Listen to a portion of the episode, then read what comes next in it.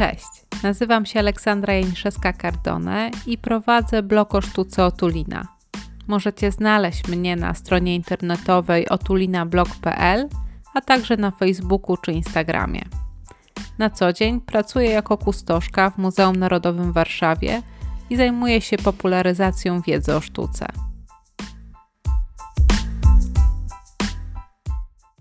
Witajcie w ten przedświąteczny weekend. Przygotowałam dla Was dzisiaj opowieść o pejzażu Petera Bruegla starszego, troszeczkę e, zainspirowana konkursem, który, przypominam, toczy się do 23 grudnia. I możecie odpowiedzieć na jedno proste pytanie, żeby wybrać książkę ufundowaną przez wydawnictwo Arkady Bruegel Zbliżenia, która pozwala przyjrzeć się szczegółom rozmaitych obrazów namalowanych przez Petera Bruegla, również tych, o których dzisiaj będę opowiadała, więc zapraszam Was na Instagram albo na Facebook i do 23 grudnia możecie odpowiedzieć na proste pytanie, który obraz Bruegla jest dla Was najciekawszy i dlaczego, a ja wylosuję spośród najciekawszych odpowiedzi po jednej książce dla odpowiedzi na Facebooku i na Instagramie, więc zapraszam Was do naszej wspólnej zabawy. A jeśli chcielibyście zostać patronką lub patronem Otulino Sztuce, to jest to już możliwe. Zapraszam Was do zajrzenia na profil Otulina o Sztuce w serwisie Patronite i przyjrzenie się możliwościom. Może akurat coś przypadnie Wam do gustu. Patrząc na to, co za oknem, w tą naszą zimową aurę, na pewno nie macie wątpliwości, że bohaterem dzisiejszego odcinka są Strzelcy na śniegu albo Powrót z polowania, obraz e, Petera Bruegla starszego, który należy do serii, do takiego cyklu sześciu przedstawień ukazujących pory roku. Spośród sześciu zachowało się szczęśliwie pięć i można je oglądać w różnych muzeach na świecie. Przede wszystkim w Kunsthistorisches Muzeum w Wiedniu, ale także w Pradze, w Muzeum w Pałacu Lobkowiców, a także w Metropolitan Museum w Nowym Jorku. Obrazy pomyślane były jako cykl opowiadający o zmieniających się porach roku, podzielony na sześć części, czyli przedwiośnie, wiosnę, wczesne lato, lato, jesień i zimę.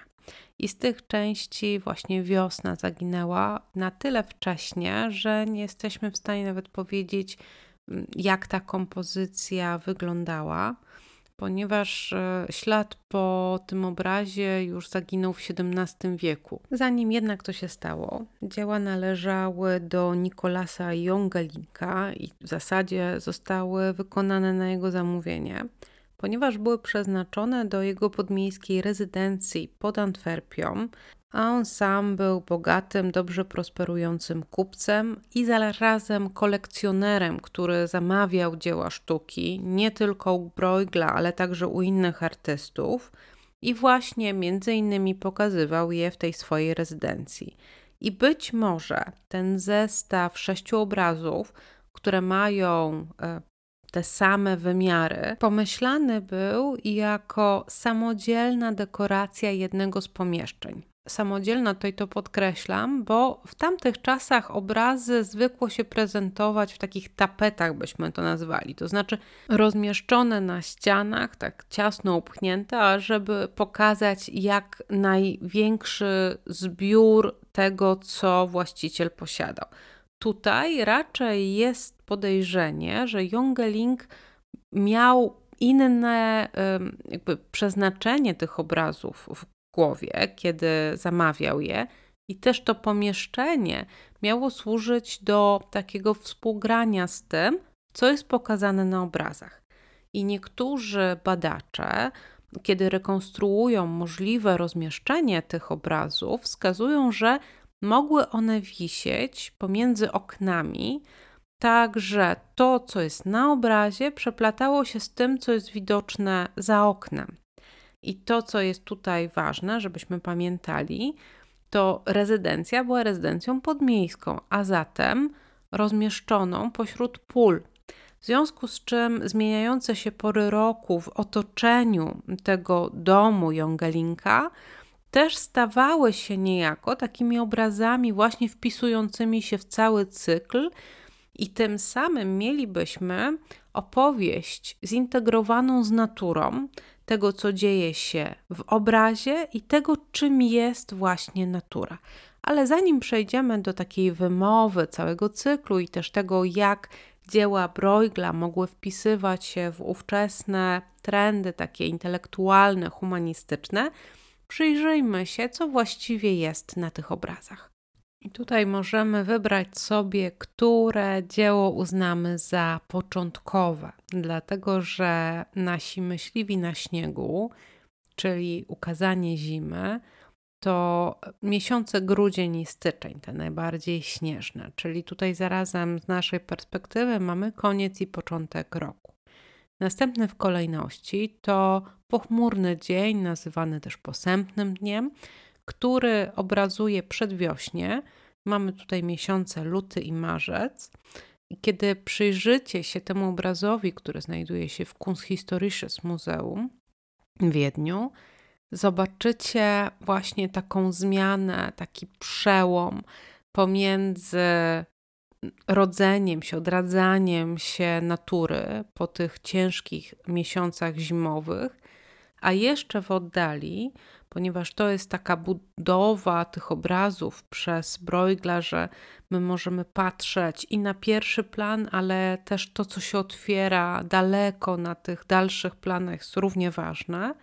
Mamy ośnieżone szczyty górskie, ale nade wszystko taką wezbraną, rwącą rzekę, która wzbiera na roztopach. I zobaczmy, że tam są też statki, które są unoszone przez te spienione wody, statki, które są zatapiane.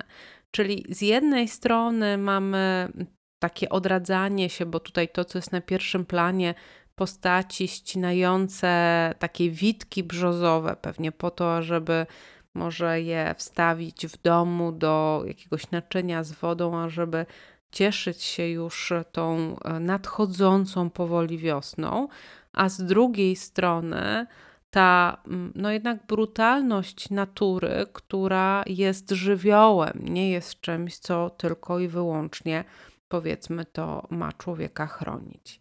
Kolejna byłaby kompozycja zatytułowana Wiosna, ale jak wspominam, zaginęła, czyli nie mamy jej tutaj w tym naszym zestawie. To byłby kwiecień, maj.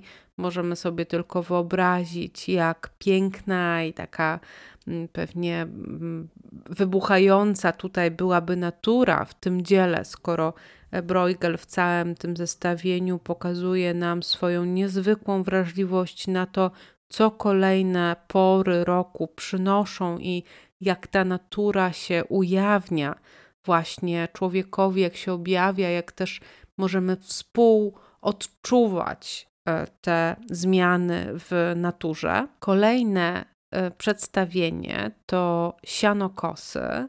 I tutaj mamy początek lata, miesiące czerwiec i lipiec. Dzieło, jak wspominałam, znajduje się w Pałacu Lobkowiców w Pradze. I tutaj, żeby nie mylić, bo mamy i sianokosy, i żniwa. Żniwa to będzie ten późniejszy y, etap y, lata, natomiast w sianokosach na razie są zbierane rozmaite owoce. Tutaj możemy zobaczyć, jak te plony są transportowane do wioski.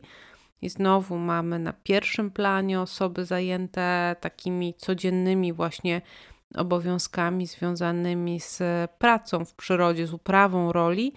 I dalej znowu otwierają się przed nami kolejne e, plany, i znowu w perspektywie też e, mamy góry, a następne w kolejce są żniwa. Ten obraz jest w Metropolitan Museum of Art w Nowym Jorku.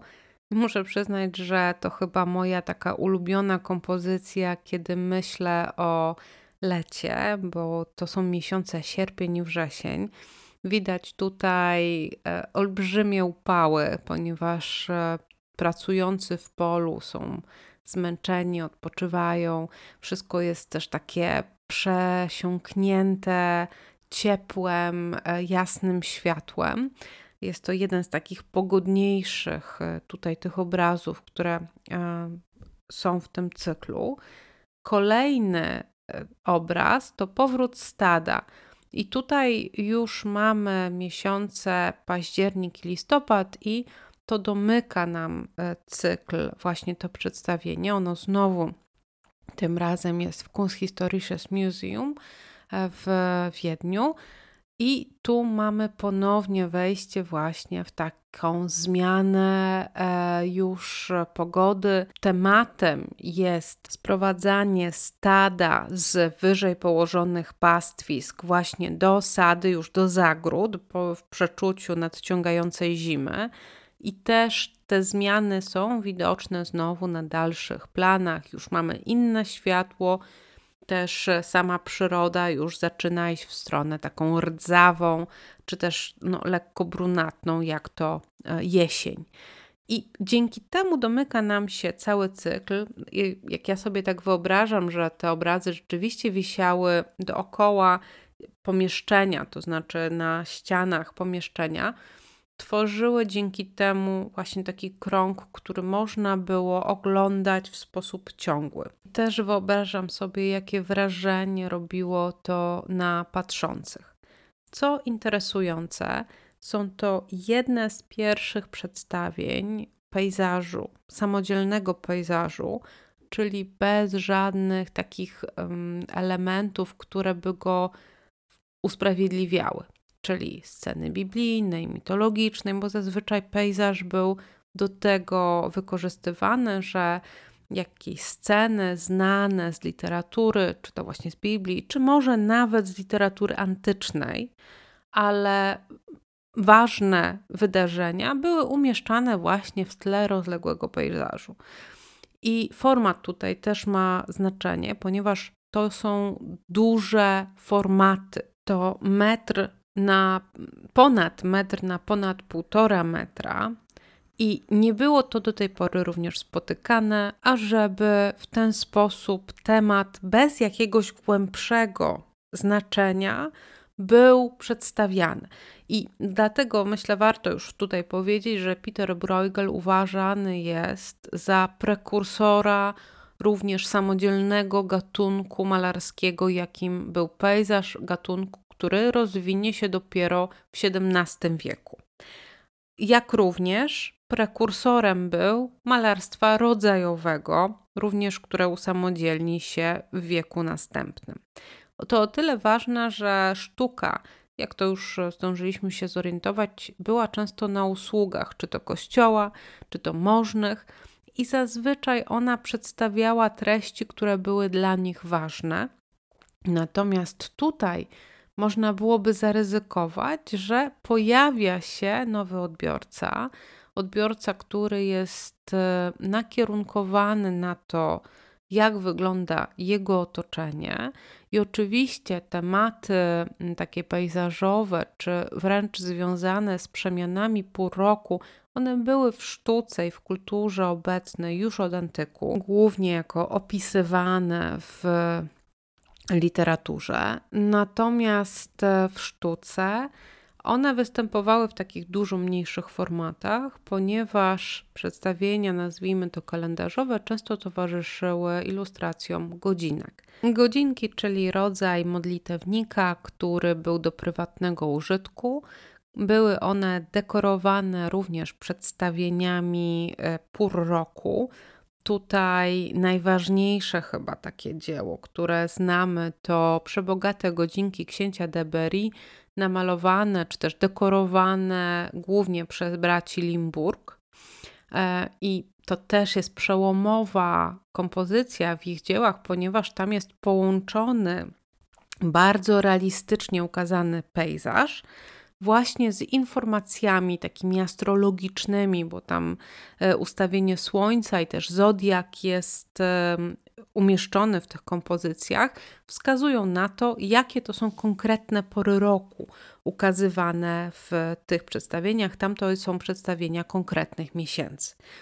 Natomiast no, możemy sobie wyobrazić, że po pierwsze były to dzieła przeznaczone dla oglądania przez bardzo wąską grupę odbiorców, tylko tych, którzy mieli po prostu kontakt, najbliższy kontakt z księciem Deberry, który mógł się nimi e, chwalić. Też on się długo nimi nie nacieszył, ponieważ zmarł w trakcie epidemii dżumy w 1416 roku, też w tym samym czasie, kiedy w ogóle zmarli bracia Limburg i to też zawiesiło pracę nad e, tym e, zestawem, później kontynuowanym przez innych artystów. Ale niewątpliwie w historii sztuki jest to taki kamień milowy, jeżeli mówimy o rozwoju przedstawień pejzażowych i jeszcze właśnie w kontekście pół roku, czyli ukazywania tej przyrody, która się zmienia.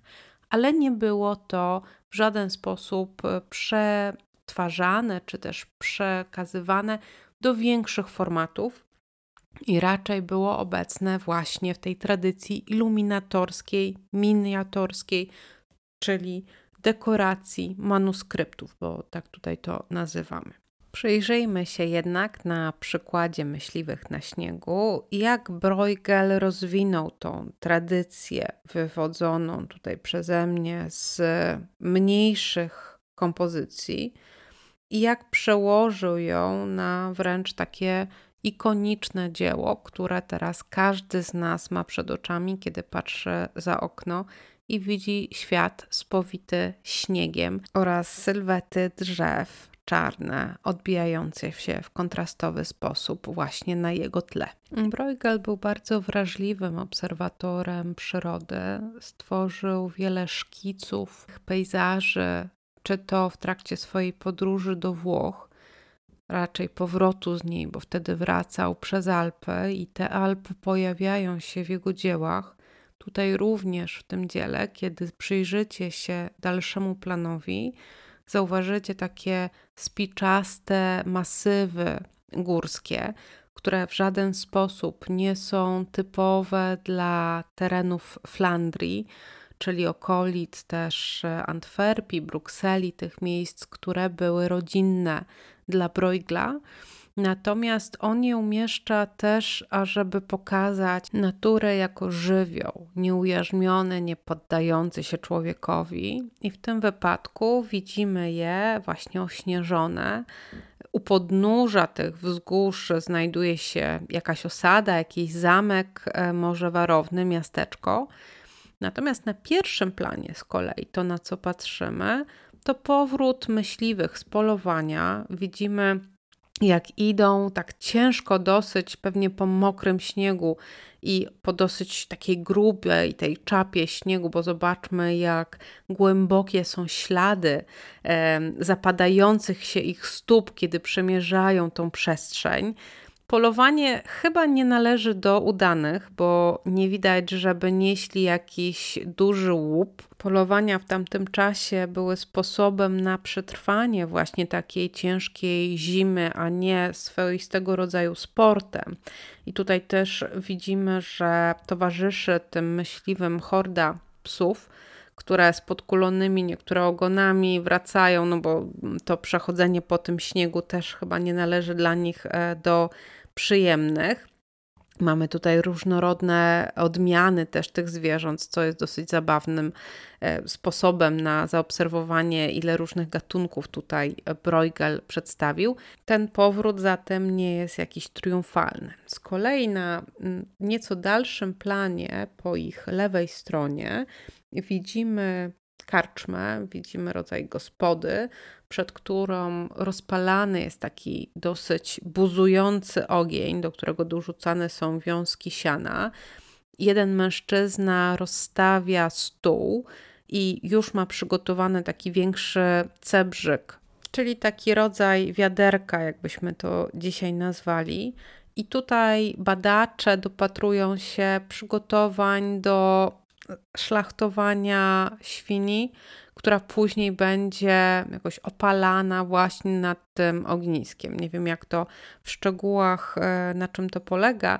Natomiast tutaj e, możemy znowu zaobserwować taką skłonność Bruegla do takiej ciepłej obserwacji rzeczywistości, ponieważ z jednej strony mamy te postaci zajęte dosyć przemyślany sposób, e, roz, czy rozpalaniem tego ognia, czy właśnie przygotowaniami, ale obok stoi dziecko, ubrane, tak okutane w wiele warstw ubrań, które się przygląda po prostu temu ognisku, które niewątpliwie dla niego samo w sobie jest olbrzymią atrakcją.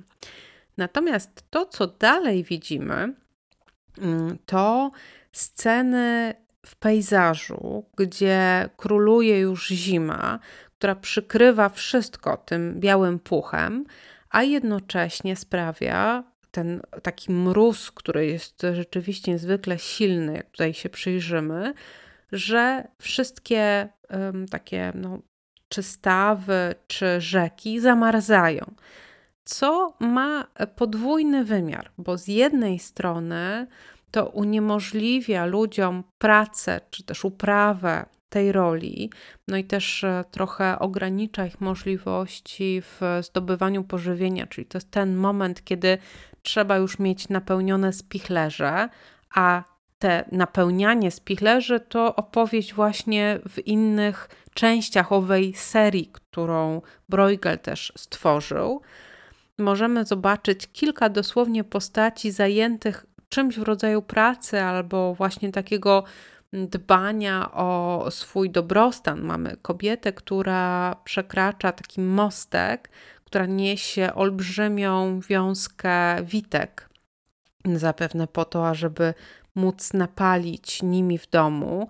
I też na dalszym planie widzimy postać, pewnie mężczyzny, który idzie obok wozu, też wyładowanego być może jakimś rodzajem opału, który zmierza w stronę osady. Natomiast pozostałe postaci, które możemy tutaj rozpoznać w tym pejzażu, są już zajęte zabawą, są zajęte takim e, radosnym spędzaniem wolnego czasu na lodzie. I one są co prawda dosyć niewielkie, są takimi e, wręcz czarnymi sylwetkami, które możemy rozpoznać ich ruchy, ale właśnie one są wciąż bardzo czytelne i tutaj tak może wyprzedzę trochę opowieść, ale tego typu przedstawienia kojarzone przecież z Brueglem, czy to w przypadku przysłów tej, czy zabaw dziecięcych, to są wszystko takie elementy, które Bruegel wprowadził do języka artystycznego i które później przez następne pokolenia artystów będą rozwijane i które będą wychodziły w zasadzie na pierwszy plan i będą stawały się samodzielnymi bohaterami w ogóle obrazów. To jest taki rodzaj rozwoju tego języka artystycznego i tych tematów artystycznych. A co my tutaj widzimy na tym lodzie? No widzimy rozmaite grupy, które e, albo się ścigają na łyżwach, albo grają w coś, co może, nie wiem, nazwijmy rodzajem czy hokeja, bo tutaj są dwie takie postaci, które ewidentnie uderzają kijkami w jakieś kulki.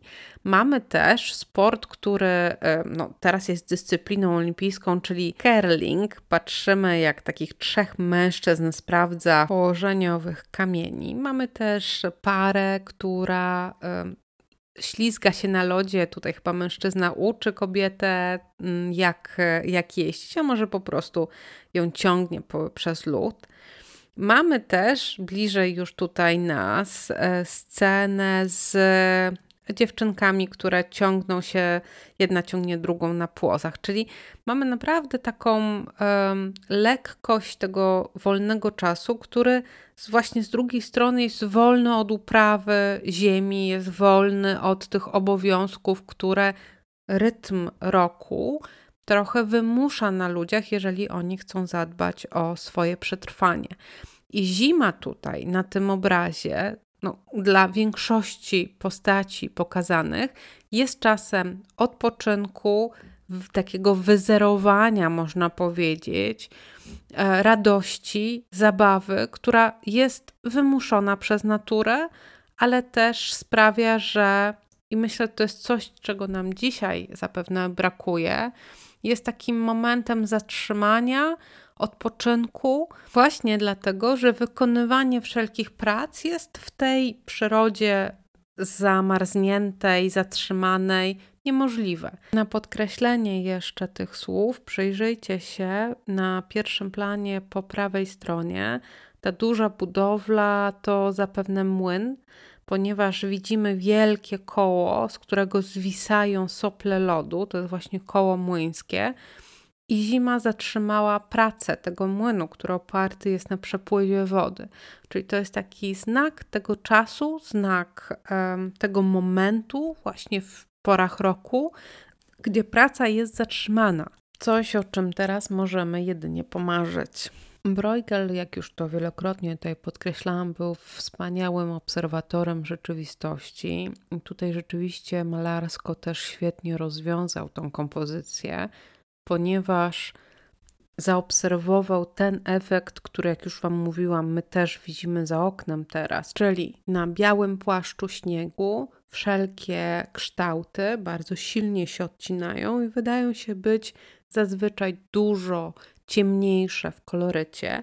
I to też widzimy tutaj, zarówno drzewa, te bezdisne drzewa przykryte takim cienkim płaszczykiem śniegu, jak i postaci owych strzelców, owych myśliwych, czy zwierzęta, które są tutaj ukazane, ptaki, które gdzieś tam e, nam przelatują, czy siedzą na gałęziach, wszystkie one nie mają tej takiej szczegółowości, takiej precyzji w oddaniu, jaką możemy zaobserwować w ogóle też na dziełach innych Bruegla, czyli byłyby z taką miniatorską właśnie tutaj precyzją odmalowane, ale są malowane ciemnymi, czarnymi wręcz barwami, właśnie dlatego, ażeby pokazać, jak ten moment y, zimy wygląda, jak on też jest postrzegany przez nasze oczy. I właśnie takie naśladowanie natury, nie tylko tego, jak ona wygląda, ale jak jest przez nas postrzegana, było jednym z wyznaczników kunsztu malarstwa, zwłaszcza w czasach Bruegla, kiedy taka rywalizacja z naturą, z tym takim przekraczaniem granicy między tym, co rzeczywiste, a tym, co namalowane, stawało się coraz popularniejsze właśnie w takim wyzwaniu rzucanym artystom. Ta iluzyjność natury to będzie temat e, wieku XVII, natomiast tu e, Bruegel był przez sobie współczesnych też doceniany właśnie jako imitator natury, jako ten, który potrafi ją oddać taką, jaka ona była, bez, e, można powiedzieć, jakiejś stylizacji, tylko właśnie z całą prawdą o niej. A drugi element, który też jest takim elementem jeszcze od antyku wywodzonym, bo i ta rywalizacja z naturą jest toposem antycznym, to było opisywane już przez autorów e, właśnie antycznych, a cała ta wiedza wraca wraz z renesansem, czyli wraz w XVI wieku już staje się dosyć powszechna w kręgach humanistycznych. A drugim jeszcze elementem, który tutaj jest właśnie podnoszony w kontekście Bruegla, to cytaty z Pliniusza, który jest autorem historii naturalnej, dzieła bardzo ważnego dla kształtowania myśli o sztuce kształtowania myśli, głównie o malarstwie.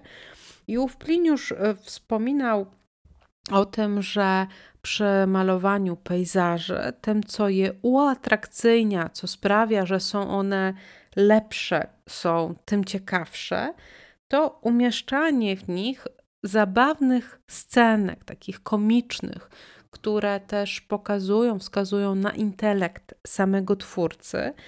I no, niewątpliwie tutaj te dzieła Bruegla są jak najbardziej wypełnione takimi rozmaitymi scenami, które my dopiero kiedy zauważamy, wprowadzamy sobie narrację i też albo nas bawią, albo nas e, jakoś zastanawiają, a może nawet rozczulają, tak jak ja mam w przypadku tej małej dziewczynki obserwującej ognisko właśnie w tym obrazie.